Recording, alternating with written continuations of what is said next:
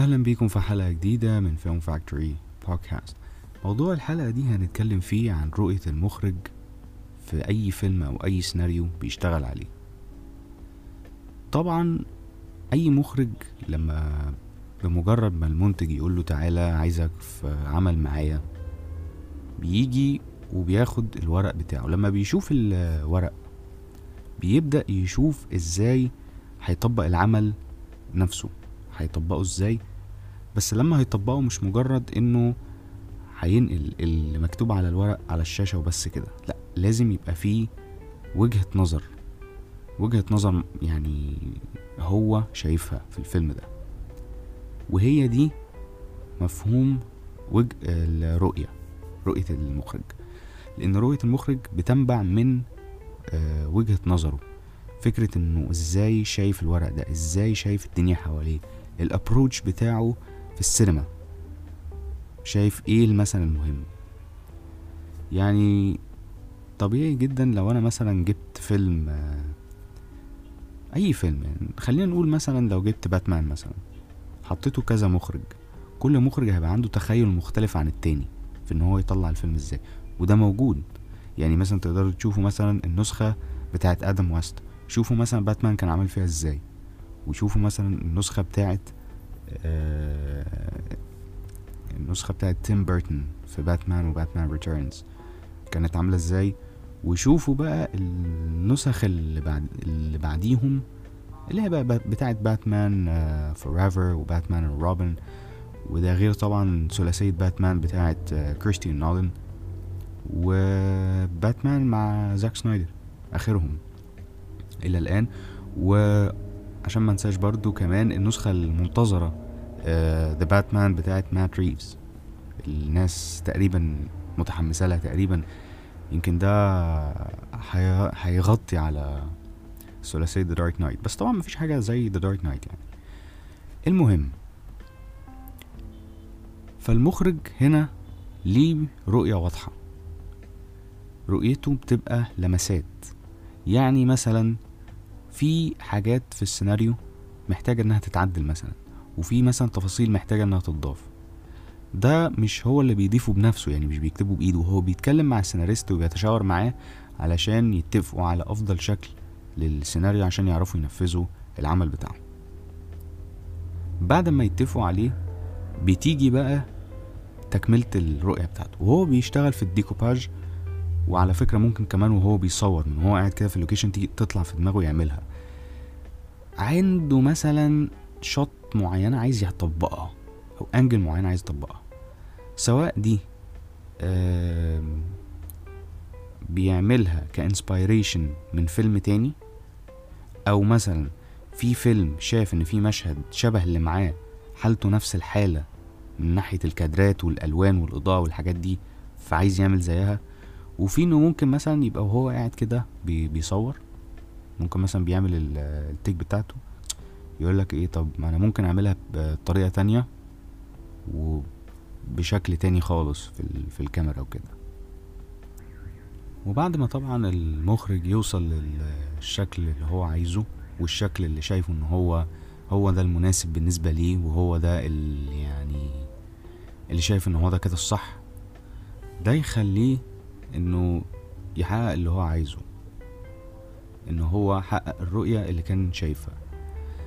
حتى كمان تون الفيلم برضو هو دي من وجهة نظره ومن رؤيته. بلا شك يعني وبلا وبلا منازع يعني.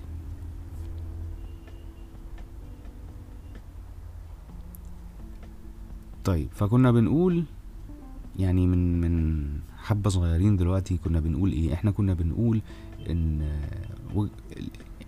رؤية المخرج بتعود لوجهة نظره اللي هي مبني على أساسها المدرسة الفكرية اللي هو منتمي ليها. يعني إيه الكلام ده؟ عارفين في الأدب في الشعر بالتحديد كان في الشعر كان في عصور مختلفة كان كل عصر تأسس فيها مدرسة شعرية. يقول لك مثلا المدرسة الرومانسية والمدرسة الواقعية والمدرسة ال... يعني ومدارس شعرية كتير يعني أنا مش متذكرهم يعني. هو ده الإخراج حاجة كده. في مدارس مختلفة. يعني مثلا في اللي بيؤمن بالأفلام الإنسانية بالقضايا المتعلقة ب... بالإنسان وإن هو بيعاني قد إيه في المجتمع اللي هو عايش فيه. أو مثلا في المدرسة الرومانسية قصص الحب والعلاقات. في كمان ال يعني اللي هو بيبقى عنده مدرسة تانية كده مد- مدرسة ال يعني مدرسة الكوميديا بقى وكده. وفي اللي هو الفكر اللي عايز آه، إنه عايز يعني يقدر يطبق نظريات علمية يحطها في فيلم وده بيحصل. يعني كريستوفر نولان ده واحد من أبرز الناس في ده. استخدم نظريات علمية وفلسفية في أفلامه. يعني زي مثلا كده لما استخدم نظرية أينشتاين في الثقب الأسود في Interstellar عشان كان بيتكلم عن فيلم له علاقة بالحاجات ال time space وال وكده. والنظريات اللي قدر يطبقها في ثلاثية The Dark Knight برضو آه اللي قدر من خلال ثلاث أجزاء يستعرض تيمة مختلفة بناء على النظريات دي. يعني مثلا جاب لك الجزء الأول إنه تقدر تتحكم عدوك من الخوف. الجزء التاني آه إن أحيانا الفوضى لما بتخرج عن السيطرة يعني بيكون هو الحل. والجزء التالت إنه يعني ال- لا مانع من إن هو يبقى فيه شوية فوضى. بعض النظريات اللي هي واخدها من فلاسفة كبار وعظام. في بقى ناس تانية آه، ممكن ما يكونش عندها الجانب الفكري ده مهم قد ما المهم عندها إنها تعمل حاجة حلوة حاجة مسلية. بيبقى مجرد فيلم يجيله يشتغل عليه رؤيته بتبقى مجرد في الكادرات وبس لكن ما بيبقاش عنده حاجة يعني عايز يضيفها أو نظرية معينة.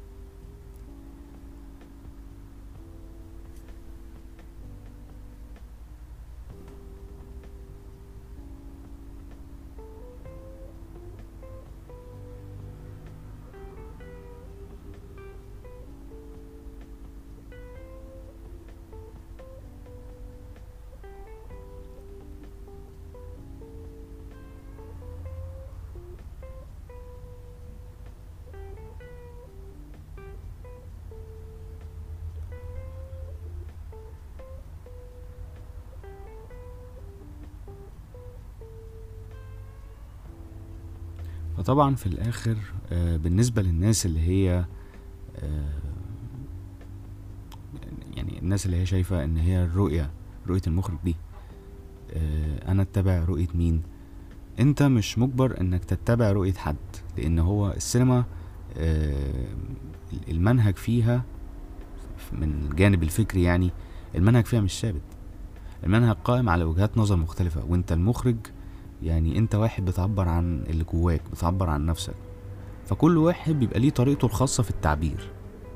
يعني انت ممكن طريقة تعبيرك انت غير طريقة تعبير أي مخرج آه، مستقل وطبعا كلهم مش زي بعض طبعا غير كمان المخرجين حتى الك- الكبار اللي إحنا نسمع عنهم. كل حد واحد واحد كل واحد فيهم عنده وجهة نظر غير التانية. مش بس كمان من الجانب ال- الفكر والفلسفة والكلام ده. ده كمان من جانب إن هو شايف إن الفيلم ده طريقة تنفيذه إزاي حتى كمان اختيار الممثلين كل واحد فيهم بيبقى ليه نظرة مختلفة. في دي كمان. فنصيحتي ليك إنك أنت شوف كل النظريات آه، اللي كل مخرج شايف إن هو ماشي صح وشايف إن هي دي الصح بالنسبة له. واسمع هنا واسمع هنا واسمع هنا وأنت ممكن تختار إنك تمشي على حاجة منهم شايف إنها بالنسبة لك تقدر تعبر بيها أو إنك تجمع ما بين كل الأفكار وكل وجهات النظر المختلفة أو تخلق وجهة نظر بتاعتك أنت.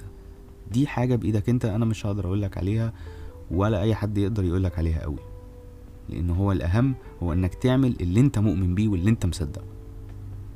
وبكده نكون خلصنا الحلقة دي من Film Factory Podcast طبعا ما تنسوش آه، تتابعوني على صفحاتي في فيسبوك وإنستجرام. وفي القناة بتاعتي كمان على اليوتيوب أحمد مصطفى. طبعا هت يعني هتلاقوا كمان إن- يعني في اليوتيوب يعني هتلاقوا الأفلام يعني جديدة وأعمال جديدة هتنزل طبعا قريب إن شاء الله.